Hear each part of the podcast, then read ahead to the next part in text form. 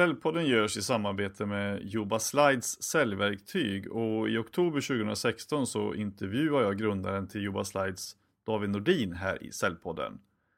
Och är det så att du lägger ner massa tid på att försöka göra uppföljningar på folk som du mejlat material till, i så fall kan du börja använda säljverktyget Jobba Slides eftersom det gör att du slipper jaga kunder i onödan. För med Jobba Slides så både spåras och kopplas allt ditt mejlade säljmaterial automatiskt till de olika stegen i säljpipen. Och du får information om kunden har tittat på eller läst materialet, vilket i sin tur gör att du vet vilken affär du ska fokusera på. Och allt paketeras i en och samma presentation. Vill du veta mer om hur du ska slippa jaga kunder i onödan så surfar du in på joba.se pipedrive. Och längst ner på sajten så får du som lyssnare av Säljpodden också en promotionkod för att testköra ett CRM som både jag själv och andra säljare faktiskt använder. Gå alltså till yooba.se pipedrive joba.se pipedrive och länken finns också i beskrivningen till det här avsnittet. Nu över till dagens gäst. Via Skype har jag idag med mig Albert Hobom och du har jobbat med strategierna bakom Framgångspodden och du har varit försäljningschef och vice VD för fintechbolaget Pensionera. Du har byggt barnhem i Ghana, hållit ett TEDx-talk, levt med buddhistmunkar i Indien och fördjupat dig i meditation. Och allt det här ska vi prata mer om i det här avsnittet. Plus hur du som säljare kan reflektera över din säljvardag på bästa sätt. Så välkommen till Säljpodden Albert! Vilken introduktion Mattias! Tack ska du ha! Tack ska du ha! Ja, det blir ju, du har ju hunnit med ganska mycket här. Trots att du bara är 25 år så är det ganska imponerande bakgrund så här långt. Mm, ja, tack så mycket. Det är, mycket har varit grundat egentligen i eh, en eh, känsla av att jag inte har varit där jag vill vara i, i livet. Och eh, direkt efter gymnasiet så var jag en väldigt alienerad människa och kände verkligen att jag var på fel plats vid fel tillfälle. Jag hade inget fokus på att studera, jag visste inte vad jag ville göra i framtiden utan jag visste egentligen bara att jag ville, eh, ville bort därifrån där jag var för att jag upplevde att jag Eh, jag, mådde, jag hade en period där jag mådde väldigt, väldigt dåligt och eh, bestämde mig för att åka ut och, och resa och, och, började med att åka ut till, till Ghana i, i, fyra månader. Och där jag då, som du nämnde, även var med och byggde upp ett barnhem. Och det var egentligen den stora liksom, motivatorn för mig. Så, så den energin och den motivationen versionen som jag på något sätt har extraherat ifrån eh, Ghana eh, lever faktiskt med mig än idag och det var fem år sedan. Så det är väl en del en delanledning då till, till varför jag eh, har haft, eh, ja, gjort så pass mycket då under de senaste fem åren. Jag tänkte att vi ska komma in på alla de här grejerna som jag nämnde i introt här. Men, men om vi då börjar från början här. Du är ju från Göteborg från början. Du spelade hockey och var väldigt framgångsrik där och hade en väldigt bra uppväxt där tyckte du. Ända fram tills du var 14 år, har jag förstått. Mm. Och när du var 14 så blev ditt liv förändrat för alltid. Orkar du berätta om vad som hände? Ja, absolut. Eh, absolut. Så precis som du nämner Mattias så hade jag en väldigt privilegierad uppväxt. Eh, kärleksfull, närvarande familj, eh, var socialt kompetent i skolan, hade det akademiskt relativt enkelt för mig och eh, satsade även hela min ungdom på, eh, på ishockey och spelade i Frölunda Indians under junioråldrarna.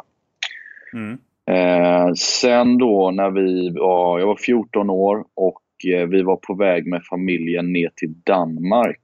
Eh, jag, min syster, mamma och pappa för att gå på ett hockeyläger för mig. Och eh, under kvällen där så hade vi varit ute och ätit en middag gemensamt med familjen och kommer hem till hotellet.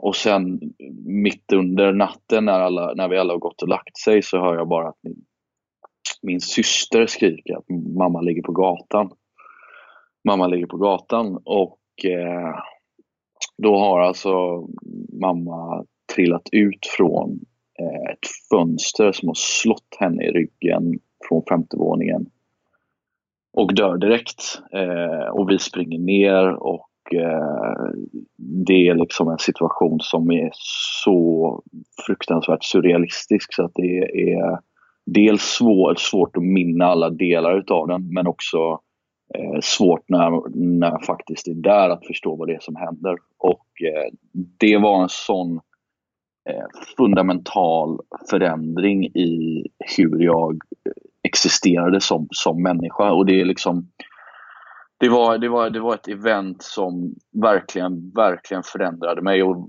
de flesta runt omkring mig sa det också att det var en Albert som, som åkte ner dit och en helt annan som kom tillbaka. Och på många sätt, otroligt nog, så eh, finns det, även om jag aldrig skulle eh, önska något annat så måste jag ändå kunna se att det finns väldigt, väldigt mycket gott som det har bringat med mig. Och mycket av det som vi pratar om idag och det som du har nämnt att jag har gjort har varit en direkt konsekvens utav den, den, den händelsen. Vilken Albert var det som åkte ner och vilken var det som kom hem då? Det var en, eh, en mer naiv eh, Albert som eh, utgick ifrån att världen uteslutande är enkel och positiv och eh, rättframt. Och eh, den som kom tillbaka, det, eller vad ska man säga, den som under de närmsta tre, fyra åren började processera ordentligt eh, blev mycket mer djupt existentiellt ifrågasättande. Jag hade riktigt, riktigt tunga perioder och eh, jag ställde frågor som väldigt få andra människor i min omgivning kanske gjorde. Eh, just för att om man tittar på liksom, trygghetspsykologi och, och Maslows behovstrappa, alltså det som hände för mig var att det näst lägsta steget som ju är trygghet och eh, kärleksmässig närvaro fullständigt försvann för mig. Vilket gjorde att alla steg ovanför den här trappan, det vill säga självförverkligande och status och social prestige var helt irrelevant. Så att medan alla mina vänner fortsatte att tugga på med, med skola och, och, och tjejer och killar och fester och, och mopeder och allting så hade jag ett helt, helt annat introspektivt fokus som kunde ha blivit väldigt destruktivt för att jag är en väldigt extremistisk personlighet. Eh, men som, som jag då via bland annat mina resor upplevde att jag lyckades vända till något väldigt positivt. Mm.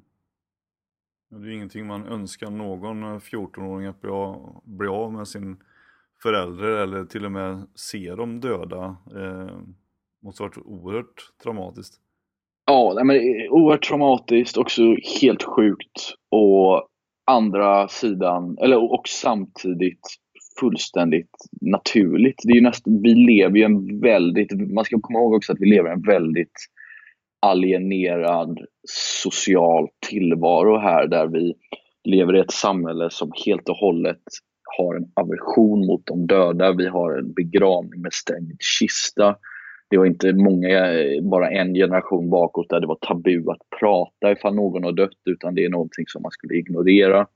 Så att eh, dödens liksom närvaro i en människas liv och att bli exponerad för den är ju egentligen helt naturligt, även om det såklart är fruktansvärt och traumatiskt. Mm. Men att det händer då så tidigt och på det sättet är ju såklart det är fel oavsett vilken eh, kulturell kontext man sätter det i. Men i andra delar av världen så firar man ju trots allt döden och med öppen kista och det är fest liksom. Ja exakt, precis. Exakt Mattias. Så åker du till Mexiko så, så uh, har de dödsfestivaler för de döda och har alltså en, en död människa som, som ligger med öppen kista i en två veckor där man har en bevarande konserveringsmedel över huden så att den inte ska förmultna över tiden. Och jag tycker att det mm. är helt fantastiskt. Det kan finnas en initial upplevelse att att det är äckligt men eh, jag tycker att det är ett väldigt, väldigt litet pris att betala för att man som, som barn ska exponeras för döden från en tidig ålder på ett kontrollerat och, och sunt sätt. Det tror jag gör att man blir otroligt mycket mer bättre rustad för den, den, den verklighet som vi lever i när man, när man sen växer upp. Mm. Men du startade liksom hela ditt eh, intresse för eh, existentialism, meditation, prestation och medvetenheten i, i samband, eller växte det fram under åren efter den här olyckan då? Det växte fram under åren efter den här olyckan. Jag, eh, eh, som, jag som jag sa så spelade jag också ishockeymålvakt i Frölunda Indians från eh, upp till att jag var 18 ungefär. Så att jag otroligt nog så lyckades jag ta mig in där då eh, så, som är liksom Västsveriges bästa hockeylag efter mammas tid. Mm. Eh, och därigenom har jag egentligen då alltid fått prestationen och eh, fått disciplinen med mig men aldrig den mentala medvetenheten att faktiskt kunna kanalisera min disciplin mot ett objekt som jag verkligen vill uppnå. Med andra ord, jag har väldigt extrema beteenden och jag har liksom verktyget för att kunna ha, vara, eller jag kan vara väldigt, väldigt disciplinerad men det spelar ingen roll ifall jag är väldigt, väldigt disciplinerad om inte jag vet hur jag ska, vilken riktning jag ska gå, hur jag ska bli implementerad på, vad det är jag ska fokusera liksom min disciplin på. Eh, och för om man tänker att det är, väldigt, det är väldigt lätt att du har allegorin då med att du har en, en, båt som är ute, ett stort, stort fartyg som är ute och kör och den har en extremt kraftig motor. Den tar sig igenom alla väder och alla vindar. Men om du inte har någon GPS så är det totalt irrelevant. Då vet du inte alls vart du är på väg. Mm. Så att jag tror att koppla det lite till, till då just eh, eh prestation och, och även då försäljning och att kunna uppnå mål så pratas det väldigt mycket om att riktigt, riktigt hårt arbete är viktigt och det är en jätteviktig komponent. Men vad jag tror är ännu, ännu viktigare är att ha en liksom djupt strategisk medvetenhet om vart man riktar den här disciplinen. Och det var det jag upplevde att jag verkligen fick när jag eh, dels byggde upp barnhemmet i Ghana under de här månaderna men sen också när jag eh, levde i Indien under ett halvår. Mm, för du levde med, med buddhistmunkar i Indien. Var, var det för att lära dig meditation och hitta meningen med livet eller var det för att liksom, få ihop dina tankar eller hur var det? Eh, en kombination skulle jag säga. Det var, eh, så, I Indien så, så levde jag dels då på en del meditationsretreat och då kloster varav det var eh, de flesta var buddhistkloster. Men sen så levde jag även runt i New Delhi, i Mumbai och även i slummen där med barn och bodde med dem. Och eh, levde på en liksom väldigt, väldigt låg budget och existerade mycket med lokalbefolkningen. Och vad det var som jag egentligen gjorde där, det var att helt och hållet försöka adaptera mig till en otroligt, otroligt annorlunda kultur. Alla som har varit i Indien vet vilken fundamentalt annan planet det är. Du har människor, eh, 40 olika språk, 50 olika religioner som lever på en alldeles för liten yta med alldeles för lite resurser. Och det är i kontrast till vårt extremt homogena svenska samhälle där du har ja, halvdominerande religion och eh, fyra politiska falanger som bara är nyanser utav varandra. Mm. Eh, och eh, att då och då även jag som kommer ifrån en, eh, en ganska skyddad tillvaro hemifrån så var det en, eh, en så annorlunda upplevelse så att jag var tvungen att förändras som människa för att kunna acceptera det. För att man brukar skratta åt, eh, eller det, det, finns ett talesätt när det kommer till resandet till Indien då, att du antingen älskar det eller att du verkligen hatar det. Det är väldigt binärt. Mm. För att det blir ett slag i ansiktet om man gör det på eh, om man är ute efter, om jag uttrycker mig så här, om man verkligen är ute efter den riktiga kulturella upplevelsen, vilket du inte får på ett western, westerniserat hotell utan när du lever med lokalbefolkningen. Mm. Och här, vad är det jag då upptäcker? Jag upptäcker att status, prestige, materiella tillgångar är de facto irrelevant för att uppnå en, eh, en tillvaro som man är väldigt, väldigt nöjd med. Och den här klassiska bilden då utav att eh, det materiella är inte allting och så vidare. och så vidare. Och Det är väldigt lätt att liksom förstå det konceptuellt, att det materiella och status och prestige inte är viktigt. Eh, men det är en helt annan sak att faktiskt uppleva det på riktigt. Och det blev ju någonstans kristalliser, kristalliserat när, man då, eller när jag då levde med buddhistmunkar. Och den starkaste upplevelsen var faktiskt i, i Thailand när jag gjorde det, under tio dagar. Eh, så inte så jättelänge. Men när, man då, när jag då får eh, en diskussion med en, en munk i Thailand som har varit eh, buddhistisk skogsmunk i 16 år och kommer tidigare från ett liv av eh, eh drogmissbruk och väldigt, eh, väldigt högt stimulerad tillvaro. Och när, man sett, när jag satte mig, satte mig ner och pratade med honom konstant och eller liksom kontinuerligt över flera dagar så kommer det verkligen till mig att okej, okay, hela mitt, min, mitt liv på det sättet som jag har levt och de prioriteringarna jag har haft och de målen jag har haft måste jag ifrågasätta igen. Jag måste börja om från början. För att jag har haft en karta över vad jag tror genererar ett lyckligt liv för mig och den kartan är felaktig för att den är influerad av en del, delvis infekterad kultur men också ett extremt konsumtionssamhälle som liksom har manipulerat mig åt fel håll. Eh, så det, de frågeställningarna som du då hör på en, på en väldigt existentiell nivå men också hur jag, hur jag vill leva mitt liv tillförde verkligen Indien och eh, framförallt då meditationen och, och den liksom kulturen jag kom in i kring det. Mm. det var ett långt svar där Mattias.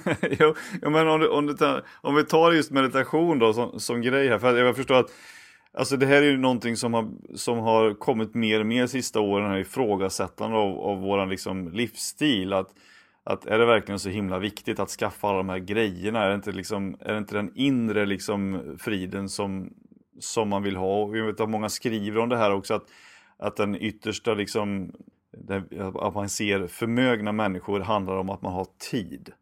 Och att mm. man har inre frid. Det är den största förmögenheten. Mm. Inte pengar. Mm. Och det börjar röra sig mer och mer åt det hållet känns det som. Jag tycker det också och, och jag tycker att det finns, eh, eh, det går en trend som har varit eh, rastaflätor, hippie och Eh, hinduism ungefär till att faktiskt kommersialiseras och penetrera eh, den svenska medborgarens eh, kollektiva medvetande. Och jag tror att det är helt fantastiskt hur mycket min utmaning och min uppgift, alltså jag behöver inte övertyga mig själv om att det som jag har upplevt och Eh, det som jag då utför och, och, när jag förespråkar meditation. Jag behöver inte övertyga mig själv om att det fungerar för att jag har empirisk, faktisk fakta och data, det vill säga jag har upplevt det, vilket ju är eh, den, den, den, starkaste bevisföringen så, som man kan få.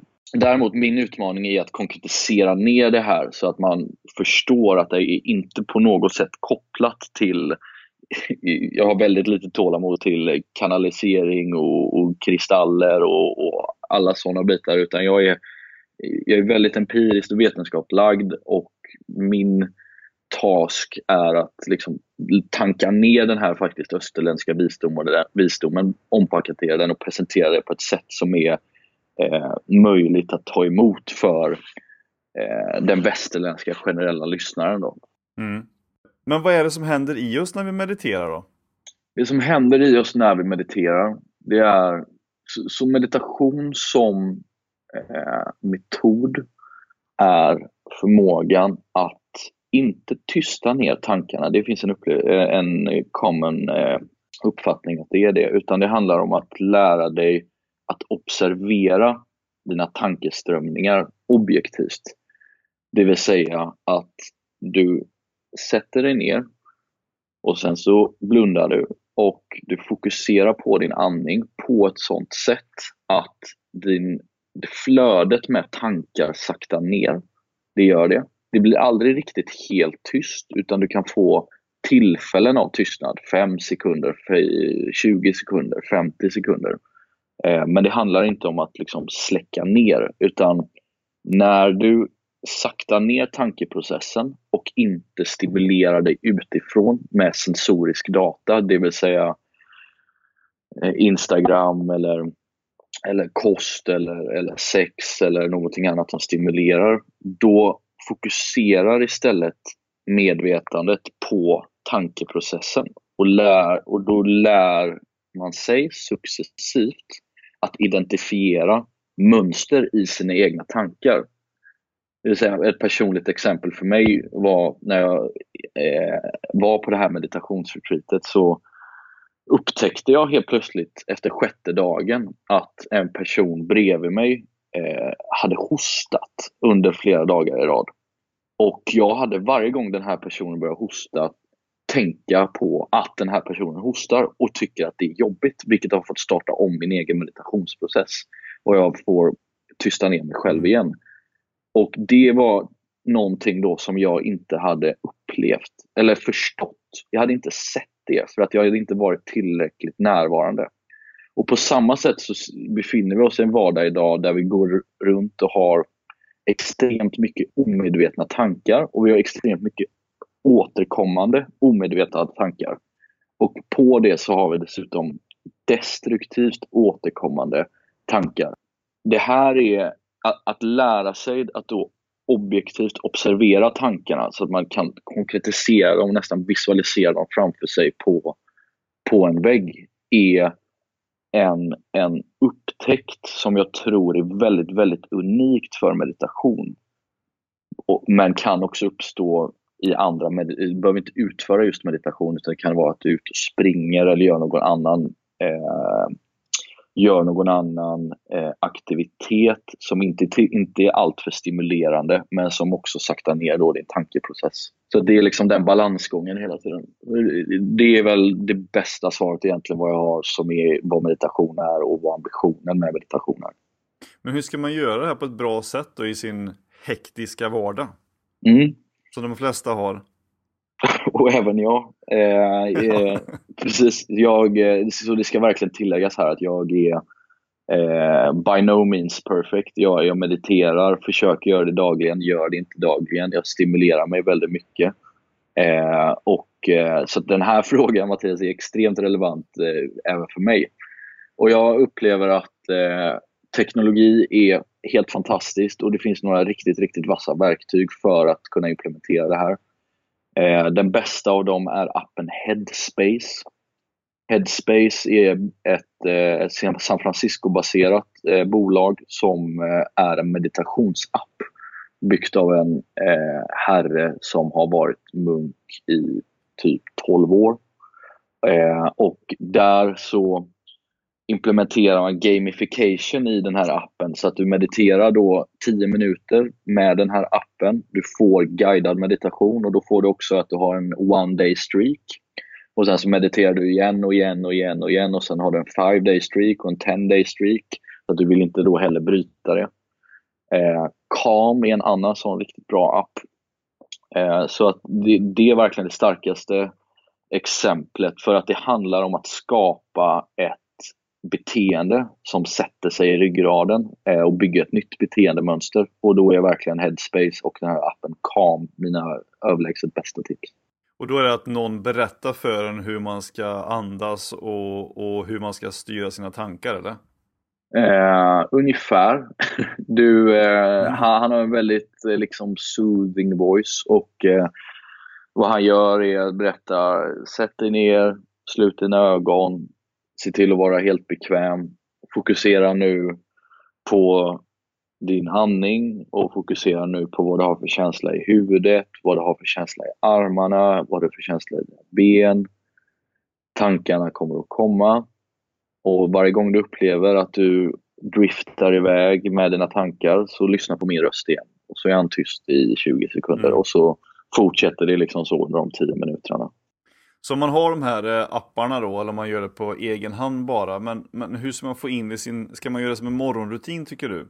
Det beror på, eh, för mig fungerar det bäst som en morgonrutin. Så, så när man lär sig och blir en mer erfaren meditatör så kan man också ganska tydligt observera vilken tid på dygnet man är mest mottaglig för det versus vilken tid på dygnet som tankarna är som mest okontrollerade och eh, eh, svåra att eh, sakta ner. Och för mig så är det överlägset bästa att göra det mitt på, eh, direkt på morgonen för att då kommer jag direkt från ett eh, uppenbarligen sövt medvetandetillstånd vilket naturligt har saktat ner mina tankar. Så att när, eh, så min, min, min eh, rekommendation är att göra det direkt på morgonen. Men eh, där får, får man ju såklart då hitta sin egen best, best practice. Mm. Har du ändrat dina morgonrutiner? Så jag förstod eh, på att du har haft ganska extrema morgonrutiner sedan tidigare. Mm. Precis, jag är, är, då uppenbarligen väldigt nördig inom allt det här och jag drar det väldigt, väldigt långt. Eh, så att eh, nu har jag, min morgonrutin idag är att jag gör en kalldusch och 30 armhävningar samtidigt. Så att jag har liksom en där stråldusch, eh, vad heter det, vattenfallsdusch då.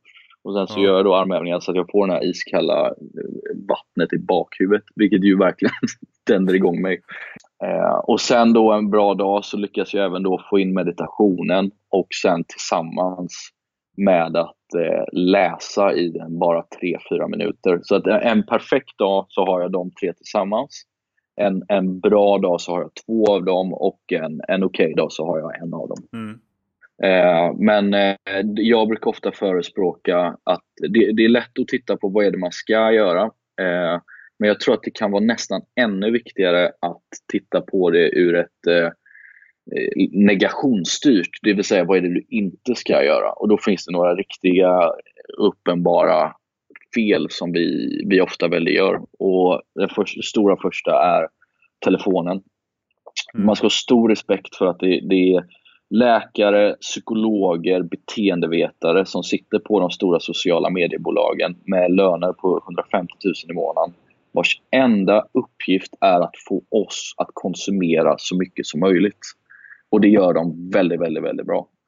Och att då kortsluta sitt dopaminsystem det första man gör på morgonen genom att titta Instagram, genom att titta mejlen, genom att titta Facebook är eh, i min värld det sämsta du kan göra för att faktiskt få den typen av dag som du vill ha, oavsett vad det är du vill. Och det gäller även producenter på social media, det vill säga är du en stor influencer, det spelar ingen roll utan eh, dedikera den första tiden, inte nödvändigtvis till att göra kallduschar och armhävningar samtidigt, men håll borta de här riktigt kortsiktiga, kortslutande dopaminstimulanterna i varje fall första 30 minuterna. Så det är egentligen mitt absolut mest eh, eh, starkaste best practice.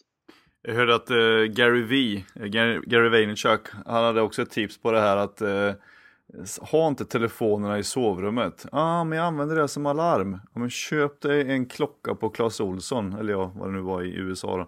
För, för 50-60 mm. spänn så har du ett alarm. Du behöver mm. inte ha telefonen i sovrummet. Nej men exakt, och det är vi är så på så många, på så många plan och så många dimensioner beroende utav de teknologiska prylarna och telefonen. Och Många av dem är väldigt, väldigt goda, men vi måste som ansvarstagande individuella eh, brukare av de här verktygen ta kontrollen så att de jobbar för oss snarare än att vi ska börja jobba för dem. Det vill säga telefonen, eh, pushnotiserna, social media etc. etc. Så, eh, en utmaning är att eh, när man får en pushnotis verkligen ställa sig frågan nu, okej okay, var det jag som tog upp telefonen eller var det telefonen som, som faktiskt kallade på mig? Nu har jag stängt av nästan alla pushnotiser på min telefon. Mm. Eh, och, och då ska det tilläggas att jag lever eh, då finns det också ett vanligt motargument till det här. Ja, men jag måste vara uppkopplad konstant hela tiden och se allting hela tiden. Och jag lever en, eh, en vardag där jag Eh, det ställs ganska höga krav på min eh, liksom närvaro vad gäller kommunikation digitalt. Men jag har inte till exempel pushnotiser på på min mail för att det är helt okej okay att svara efter 20 minuter snarare än att göra det efter en minut. Och det kommer också att höja prestationen på det man gör så pass mycket att det blir värt det i längden. Då. Så det är distraktionerna man ska så att säga plocka bort för att kunna fokusera lite bättre på inte bara morgonrutinen utan att styra sina tankar överlag, fokusera.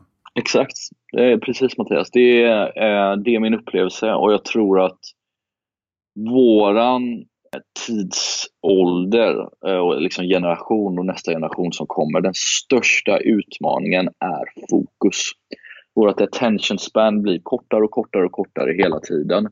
Eh, systemen och krafterna som opererar kring oss i termer av reklam, marknadsföring, kommersiella företag, deras, eh, deras processer blir mer och mer sofistikerade. Det blir mer och mer beteendepsykologi.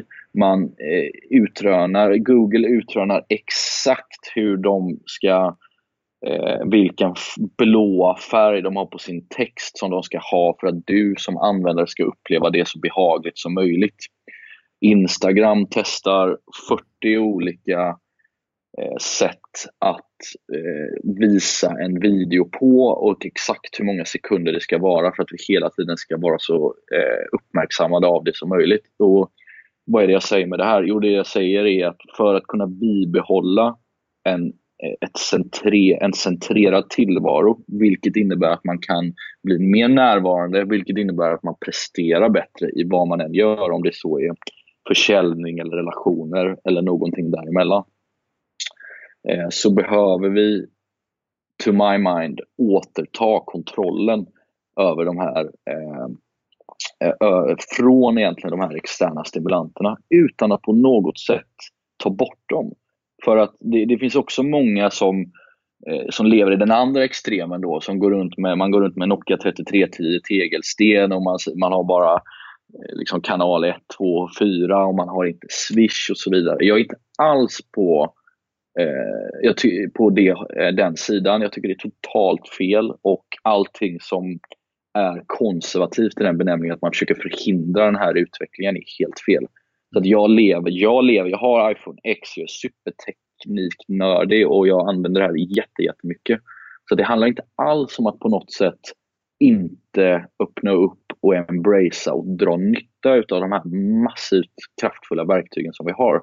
Utan det handlar om att ta kontroll över hur vi gör dem. Återigen att ha en, en stark GPS i, den här, i det här starka eh, kraftfulla fartyget som vi åker i. Mm. Är det intressant eh, det här med, med, hur man ska fokusera och, och, använda sina tankar och även inom försäljning givetvis. För jag, jag tänker på nu tog det ganska lång tid innan jag liksom började fundera de här banorna och jag läste nyss eh, bland annat om munken som sålde sin Ferrari som var kanske lika, likadan som han som du nämnde tidigare här som har levt ett hektiskt liv. Eh, mm. Och, och eh, lär sig att komma till inre peace. Eh, och även då böckerna Attraktionslagen och The Secret som då i princip baseras på den också. Hur man ska sända ut sina tankar för att få det man vill. Och mm. eh, jag tycker ändå att när man, börjar, när man läser de här böckerna och börjar reflektera över dem, jag tycker själv att mitt eget tankesätt har blivit förändrat efter detta på ett, mm. på ett mycket, mycket bättre sätt. Eh, och känner mig mm. lite lugnare och jag kan jobba liksom mer, mer eh, tydligt med vad det är jag vill ha. Eh, men tror du mm. att det, är något, att det här är något som många saknar i sina liv att använda sina tankar på rätt sätt. På det sättet som gör att man mår bra. Exakt. Jag, jag tror att vi befinner oss i en situation där eh, de allra flesta människorna har inte ens blivit exponerade för möjligheten att göra precis det du säger. Mm. Och där tror jag att problemet ligger. Eh, jag, eh, jag har hållit ett TEDx-tak om precis det här och eh, där pratar jag om en, en svensk munk som också är en väldigt, väldigt stor inspiration för mig, Björn Lindeblad som har varit buddhistmunk i 15 år. Och eh, han, när han kom hem från 15 år i ett skogskloster i en kåpa så ställer en journalist frågan till honom. Björn, från, från alla de här åren som munk, du har mediterat varje dag och du har liksom extraherat den här visdomen och gjort det till ditt liv. Vad är den the one key takeaway som du tar med dig hem. Mm. Och då sa han det, att det absolut, absolut viktigaste som jag har lärt mig, det är att jag inte längre tror på allt jag tänker. Då, då, tänker man först så här som, som, eh, som lyssnare, eh, eller när jag hörde det första gången, ah, okay, ja, men det är intressant, jag tror inte på allt jag tänker. Men om man verkligen dissekerar det och analyserar det på en djupare nivå så förstår man hur otroligt fascinerande och stark den insikten är. För att utan det här ifrågasättandet så finns det en uppfattning av att vissa situationer i livet är direkt och ofrånkomligen kausalt kopplade till en viss reaktion. Med andra ord, det går dåligt för mig på en tenta, då mår jag dåligt. Jag missar spårvagnen eller bussen, då blir jag stressad. Eller min flickvän blir flörtad på av en annan kille, då blir jag svartsjuk. Att det finns en uppfattning att det, att det finns, att de är så tätt sammankopplade, en viss, en viss händelse med en viss reaktion. Och var den här insikten då som Björn Lindeblad och som du sa Mattias och som vi pratar om här nu faktiskt gör. Det gör att den frigör dig själv till möjligheten att du kan välja din interna reaktion till olika externa händelser. Så du kan inte alltid styra allt som händer i världen. Du kommer inte kunna göra det. Eh, men däremot så har du en väldigt stor makt att kontrollera din interna reaktion till de här externa händelserna. Och det gör i praktiken, precis som du säger, att behöver inte vara stressad i alla situationer, kan faktiskt, hur otroligt det än låter, välja bort det. Det är, inte, det är ett val i, i mångt och mycket, de känslorna som vi har. Men bara den insikten då, för att återkoppla till början, den insikten av att det är ett fritt val att till hög grad, inte fullkomligt, men att till hög grad styra sina egna tankar och styra sin emotionella respons till den externa verkligheten är, tror jag, en möjlighet som tyvärr alldeles för få människor någonsin har blivit exponerade för. Och då är det självklart att man inte kan tillämpa den själv i sitt eget liv. Mm. Men är du fortfarande mycket ute och föreläser om de här grejerna? Hur eh, man kombinerar prestation, försäljning, meditation och framgång? Eh, ja, nej men alltså det är absolut så. Jag, jag föreläser för olika universitet och sen så har jag även en del kopplingar till företag där jag, har, där jag gör det. Eh, så det är delvis då eh, direkt mot akademin men också mot näringslivet.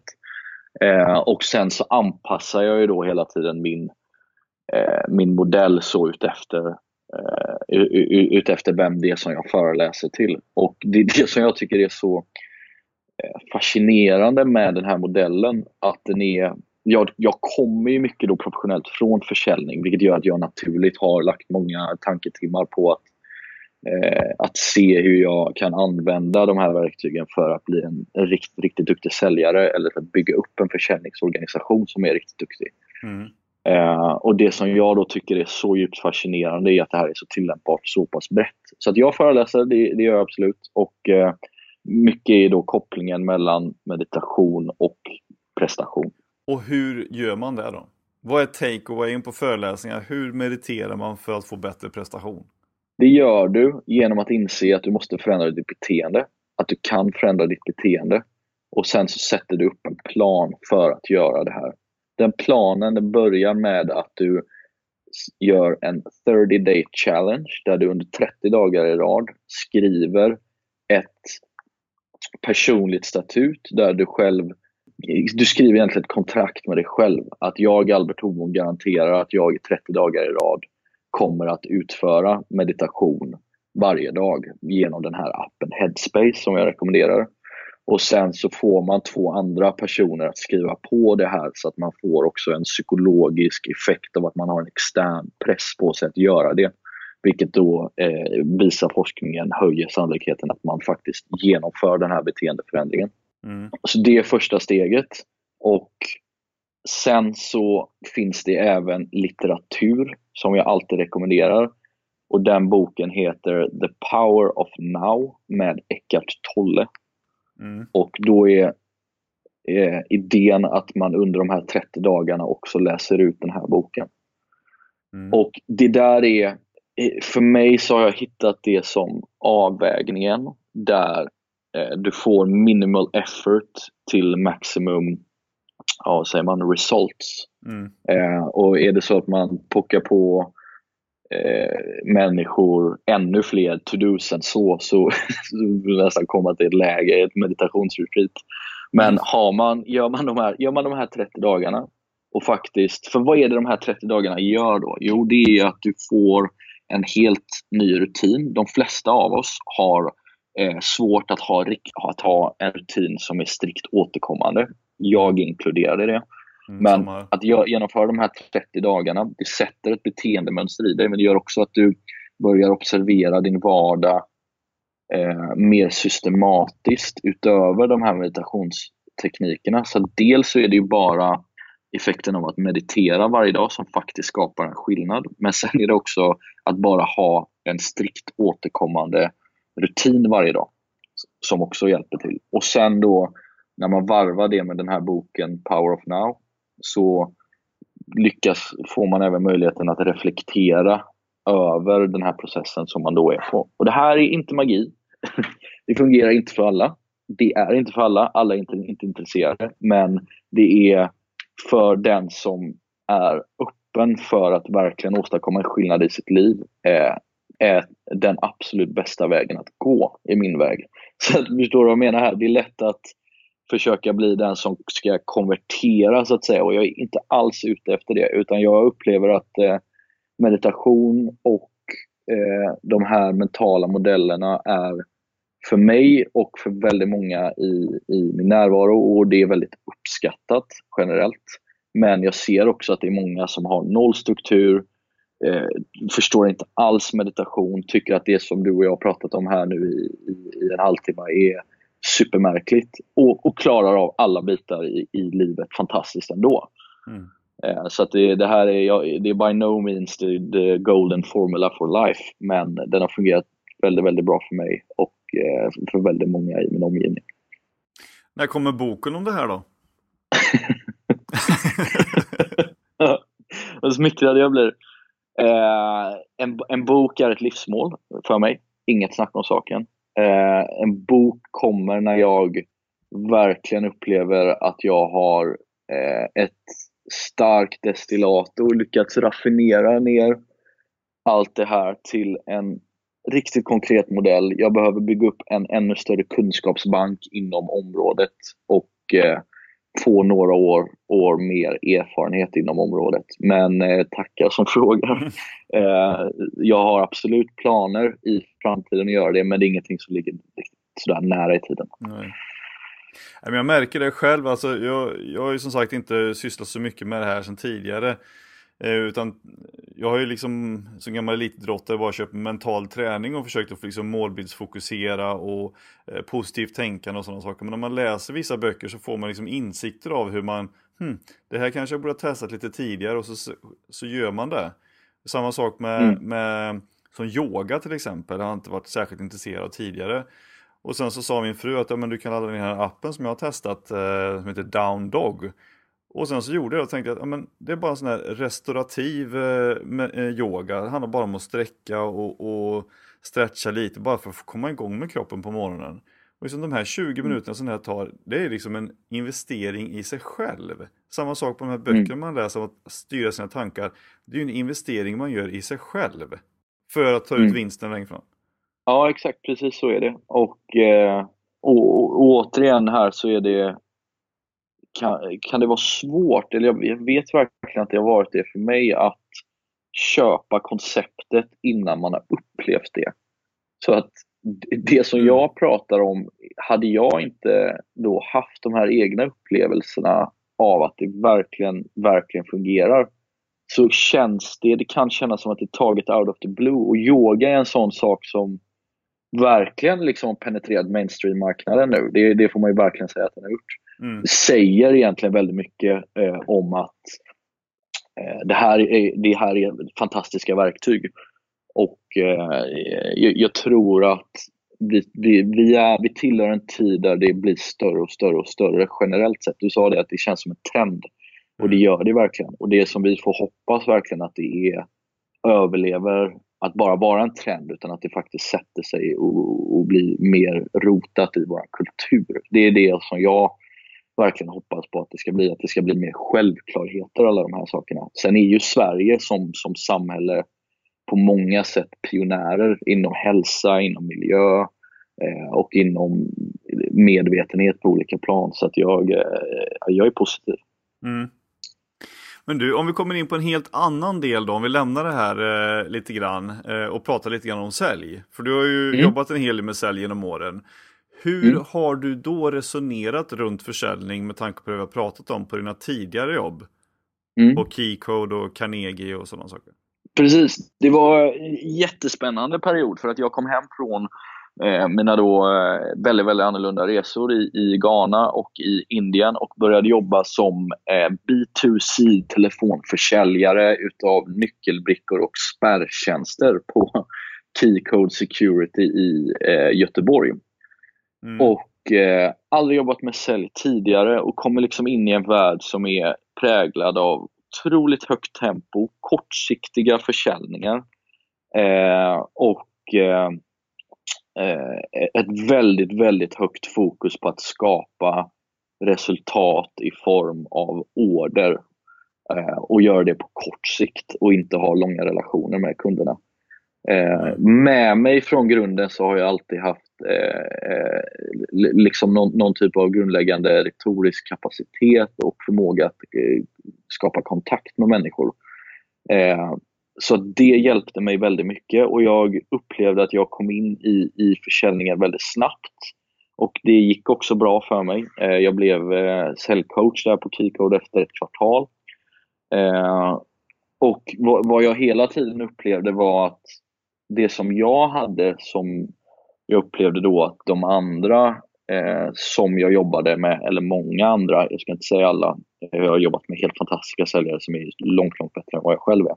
Men det är förmågan och det här blev extra tydligt i och med att det var eh, kalla samtal, det vill säga vi hade inte pratat med kunderna tidigare, eh, och korta samtal.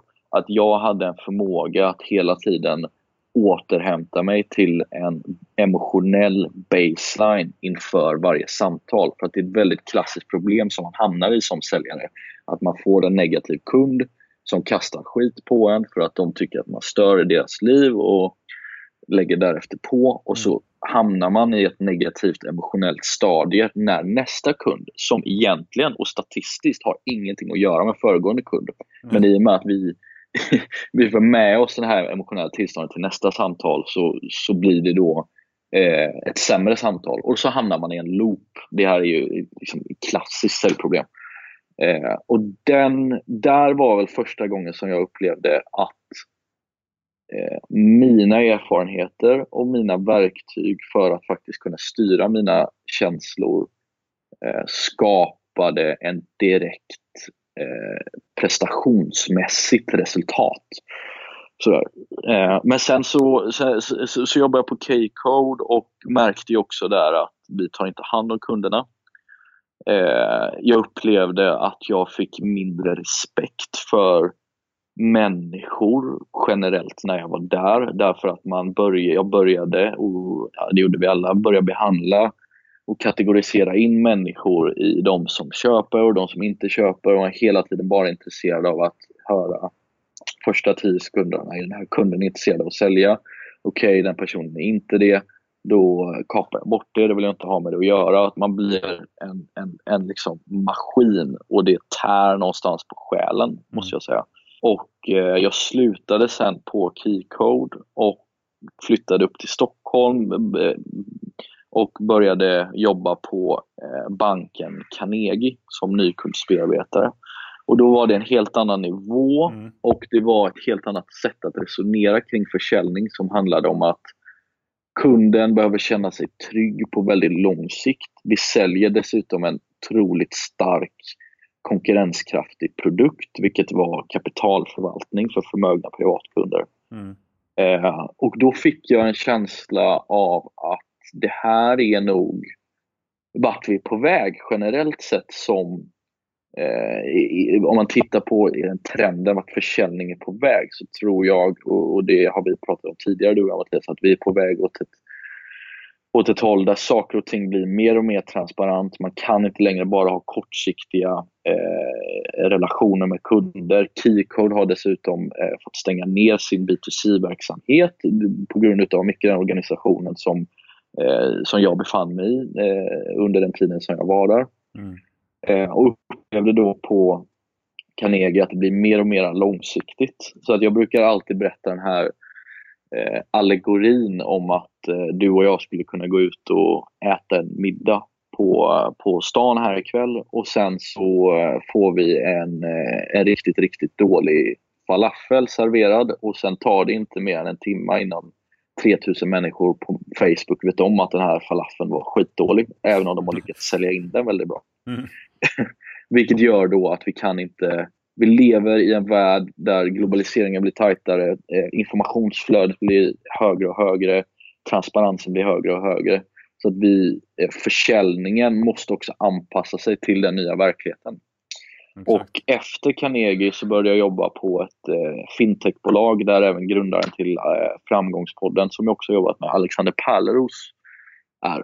Mm. Och eh, där jobbade vi med att sälja en i min mening riktigt, riktigt schysst pensionsprodukt där vi inte byggde vår affärsmodell på eh, provision, vilket är fullständigt standard inom finans och var eh, helt revolutionerande att vi gjorde. Eh, problemet var att det var en lågintresseprodukt inom pensioner och att vi dessutom då använde telefonen som, eh, som verktyg för att kommunicera till kunderna. Mm. Eh, och där upplevde jag att ju mera kunden förstod av vad det var vi och, och teamet försökte att förmedla, ju mer de var insatta och ju fler frågor de ställde, desto lättare blev det att sälja produkten. Mm.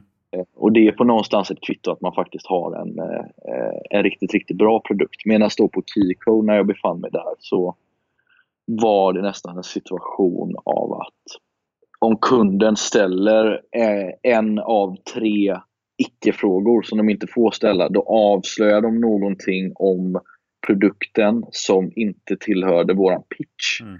Eller, våran, eh, eh, eh, eller fick produkten att framstå på ett sätt som inte vi ville att den skulle framstå och då tackar de nej. Mm. Där var det, det, där, där, där var det liksom en helt annan kundtyp som vi då gick till och man fick sälja på ett helt annat sätt.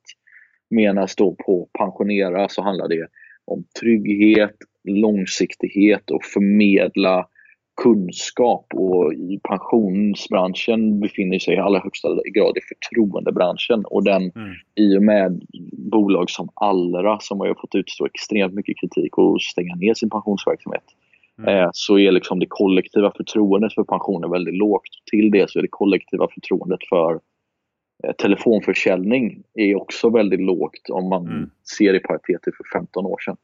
Mm. Eh, så att eh, man kan verkligen se en tydlig trend inom försäljning och eh, jag upplever också att alla de verktygen som, som jag pratat om nu i första halvtimmen har varit jätte, jättestarkt för mig för att kunna själv lyckas som säljare. Men sen också när jag byggde upp försäljningsorganisationen på Pensionera, bygga upp en struktur och ett mindset och en eh, en arbetskultur som gjorde att vi fick igång en fantastisk försäljningsorganisation med enormt duktiga säljare som dessutom stannade. Vilket också brukar vara vanligt i branschen. Ja, men precis. Ja, men det brukar oftast vara att man jobbar med telefonförsäljning en stund och sen så gör man någonting annat.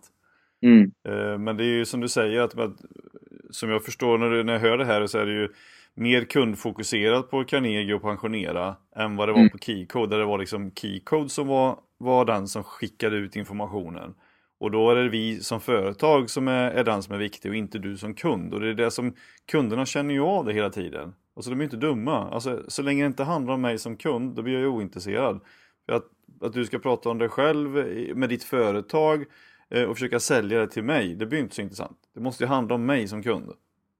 Exakt, exakt. Och det är precis, och det låter ju så otroligt basalt för att i liksom klassisk marknadsteori så handlar det ju om att faktiskt om att man ska uppfylla eh, först kommer behovet och därefter så kommer det en aktör som uppfyller det behovet. Så det är ju väldigt, väldigt enkel eh, någonstans eh, kronologi som det måste ske. Men eh, eh, ja.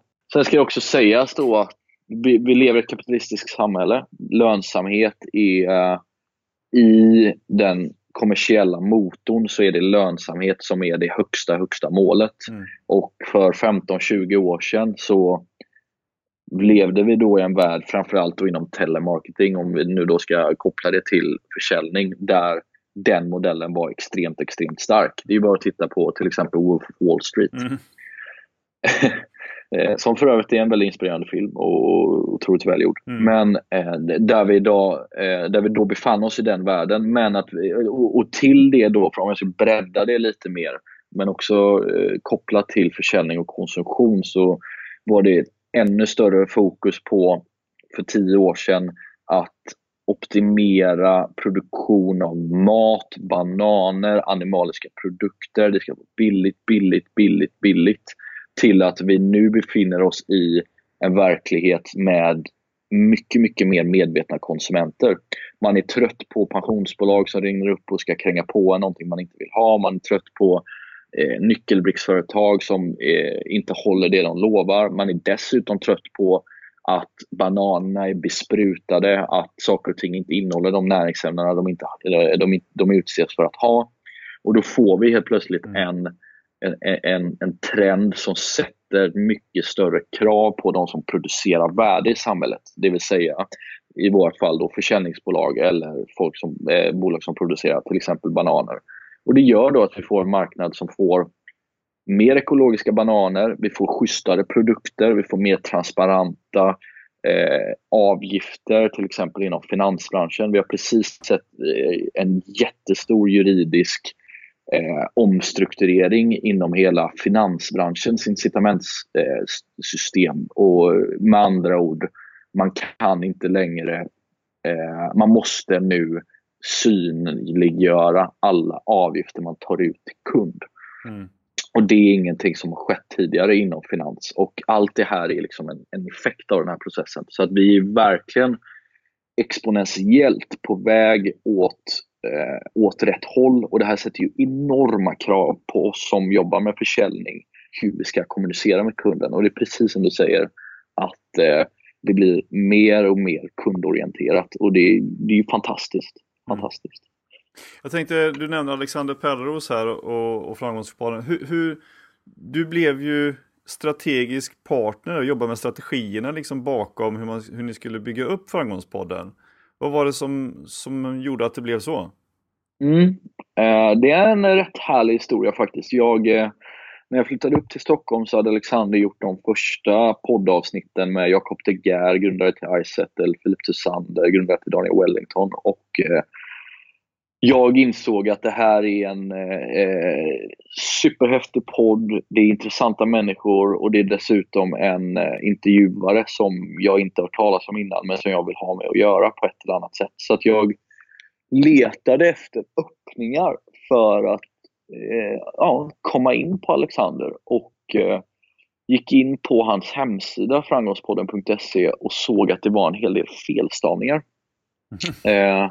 Och jag som är personligt sett en rigorös grammatiknazist äh, blev lite allergisk mot det, men såg också där en möjlighet. Så att jag skrev till honom på LinkedIn och sa att jag kan hjälpa dig med att eh, korrekturläsa och skriva om alla dina texter på din hemsida och det gör jag helt och hållet gratis. Eh, och då tog vi en lunch tillsammans och eh, kom direkt in på spår som veganism, meditation, spiritualitet, försäljning, bygga imperier, stora visioner. Eh, och eh, klickade väldigt bra där. Och eh, så visst, fick han även reda på då att jag jobbade på Carnegie med försäljning. Eh, så att på det spåret så började jag jobba med Framgångspodden och korrekturläsa saker och ting. Och det där samarbetet växte och växte och växte till att jag var involverad i blev involverad i alla processer som dels är strategi för hur ska vi kunna expandera till Youtube, hur ska vi kunna expandera internationellt, hur kan vi höja kvaliteten på samtalen, vilka gäster det ska vi ska in, hur ska vi få in gästerna, eh, jag var ansvarig för marknadsföring eh, och eh, gjorde väldigt mycket som var liksom behind the scenes så att säga. Och sen på det då så arbetade jag och Alex på pensionerat tillsammans. Så att vi, eh, vi har haft en fantastiska ett och ett halvt år där vi har jobbat med varandra i nästan sex, eh, ja, sex sju dagar i veckan. Men mm. så, så, så, det började så att jag, jag, försökte, jag försökte verkligen att hitta en, en lucka på honom där jag kände att jag kunde verkligen tillföra värde till honom så att han skulle vilja börja arbeta med mig. Mm. Hur, hur, tänkte du rent strategiskt då?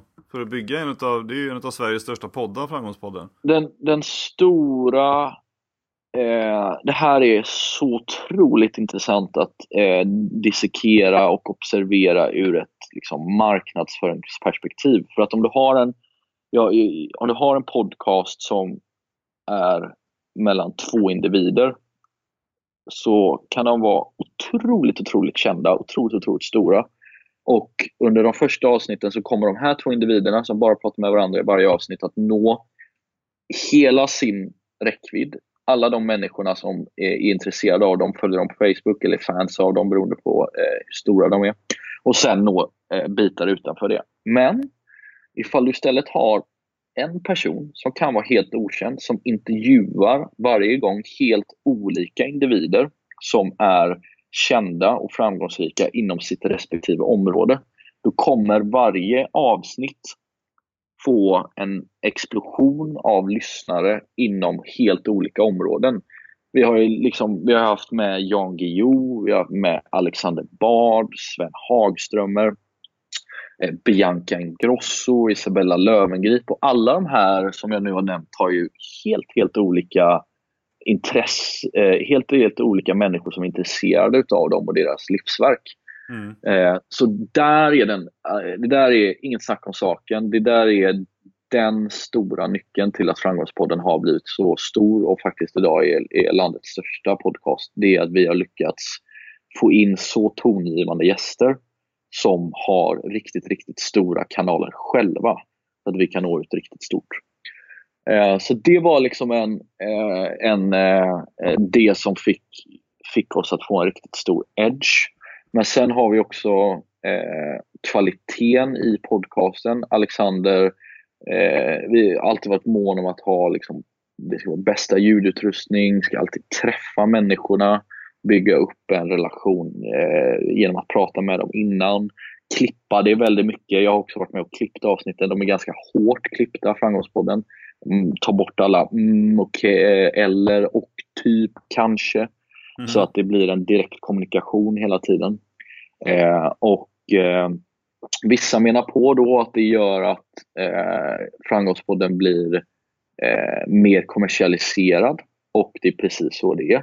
För att eh, Framgångspodden är en kommersiell podcast med syfte att nå riktigt, riktigt stora volymer. Eh, men vad jag tycker är så eh, beaktansvärt, som, som vi verkligen har försökt att hålla i hela tiden, det är att Eh, och den credden går ju främst till Alexander, att behålla värderingarna. Mm. Att behålla värderingarna hela tiden så att han eh, upplevs ju ofta, eh, hans image är, och det ska jag säga att hans personlighet är också, att han vill genuint bidra till en bättre värld. Och mm. det, det tror jag också är en riktigt stor nyckel att en lyssnare som ska orka lyssna på 100 timmar med en person som intervjuar en annan behöver få känslan av att det här är en människa som verkligen vill väl. Och där är han eh, där är Alex helt eh, totalt okorrumperbar, måste jag säga. Och det är väldigt, väldigt inspirerande. Ja, det är jättekul att lyssna på de här avsnitten för det, det blir ju väldigt blandat som du säger beroende på vilken person som är med. Mm, mm, mm, exakt. Och eh, eh, Framgångspodden fick ju bland annat inte vara med i TV4 därför att det var ordet just framgång. Mm. så eh, han skulle bli intervjuad, eller om det var Morgonsoffan eller någon sån här riktigt statlig kommersiell institution. Liksom. Eh, och eh, för att det är just kopplat till framgång, det kan vara provokativt för vissa människor. Eh, men jag skulle vilja utmana den tanken och bredda framgångsbegreppet. För att jag menar, Eh, framgång är ju visserligen de här miljardärerna som Sebastian Simankowski från Klarna, men det är också eh, eh, filosofer som den här buddhistmunken Björn Lindeblad som är mitt personliga favoritavsnitt och även Alexander Bard, Jan Guillou som har gjort enorma insatser för den svenska liksom, sociokulturella utvecklingen när han faktiskt förändrade grundlagar bakom det var på 80 eller om det var på mm. 70-talet. Eh, så att, så att eh, framgångsbegreppet skulle, skulle jag vilja bredda så att det är inte bara, eh, det är inte bara pengar och miljarder utan det är då, eh, för att citera då Alexander, de människorna som faktiskt bidrar till, till en bättre värld. Det är helt klart så att eh, om man kan göra det och ha de värderingarna så eh, bidrar man ju dessutom själv till att göra eh, världen lite bättre. Och med de frågeställningar med de gästerna man tar med. Så det är ju det är en fantastisk inställning. Mm, mm. Men du, vad kan man lära sig då av framgångarna med Framgångspodden? Alltså om man jobbar, jobbar som företagare eller säljare själv idag? Jag tycker att det som jag har tagit med mig mest, det är att vara totalt orädd. Eh, vi och Alexander har gjort väldigt, väldigt många misstag som jag faktiskt tror skulle sänkt väldigt många människor.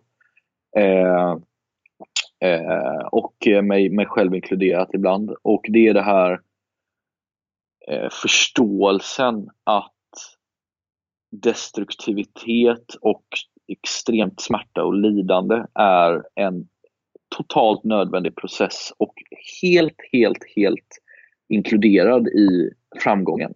Och jag tror att det är, kan vara en klyschig takeaway må så vara, men det är någonting som verkligen har präglat Framgångspodden, att det har varit mycket, mycket bakom kulisserna som har, som har gått upp och ner. Eh, en annan sak som är väldigt viktig att ta med sig är hur eh, otroligt bra Framgångspodden har varit på PR. Det vill säga, får, får du med en gäst eller har du, jobbar du med försäljning och jobbar med en kund som du gör nöjd, som dessutom har en stor makt eller liksom medial närvaro på något sätt, ta hjälp av det, ta nytta av det. Eh, och för att konkretisera det då så varje gång som någon, om det har varit Alexander Bard eller om det har varit Jan Guillou så har det kommit artiklar i media om detta. Mm. Eller att de här personerna själva då som är nöjda och intervjuade faktiskt sprider ordet. Så att man, eh, för att då relatera det till försäljning, att man då skapar ett samarbete med en kund eh, och efter att man har byggt en god relation, gjort den kunden väldigt nöjd, också då ser ifall det finns något som den kunden kan göra för en själv. Och kanske är det så att de då rekommenderar vidare ens tjänst eller produkt till andra intressenter som de har i deras närvaro eller att man faktiskt får en artikel eller någon typ av spridning som är då helt och hållet genuin och som man inte kan, kan köpa för pengar. Eh, så att jag tror att den stora, eh, den stora eh, nyckeln eller det stora, riktigt intressanta studieobjektet med Framgångspodden det är att observera hur man har marknadsfört sig. För vi har lagt väldigt, väldigt lite pengar på marknadsföring i sig. Utan det är då gästerna, det är relationerna och eh, det är den mediala uppståndelsen kring det. Och kan man på något sätt då extrahera eh, lite nycklar därifrån och implementera sin egen verksamhet, då tror jag att man eh, har kommit ganska långt. Mm. Ja, grymt, det här har varit eh, fantastiskt inspirerande och intressant eh, för mig att lyssna på också din, hela din resa här. Och ända fram till när vi knyter ihop det här med strategin bakom Framgångspodden och vad man som företagare och säljare kan lära sig. Så att det har varit jätte, jätteroligt att få prata med dig och tack så jättemycket för att du tog dig tid att vara med i Säljpodden. Ja, jättestort tack Mattias och det är en, en, en stor ära att uh, få vara med överhuvudtaget och också väldigt, väldigt trevligt att få prata med dig. Ja, tack så mycket. Du får hälsa Alexander när du träffar honom. Ja, det ska jag göra. Det är bra. tack. ha det gott. Ha det bra. Hej.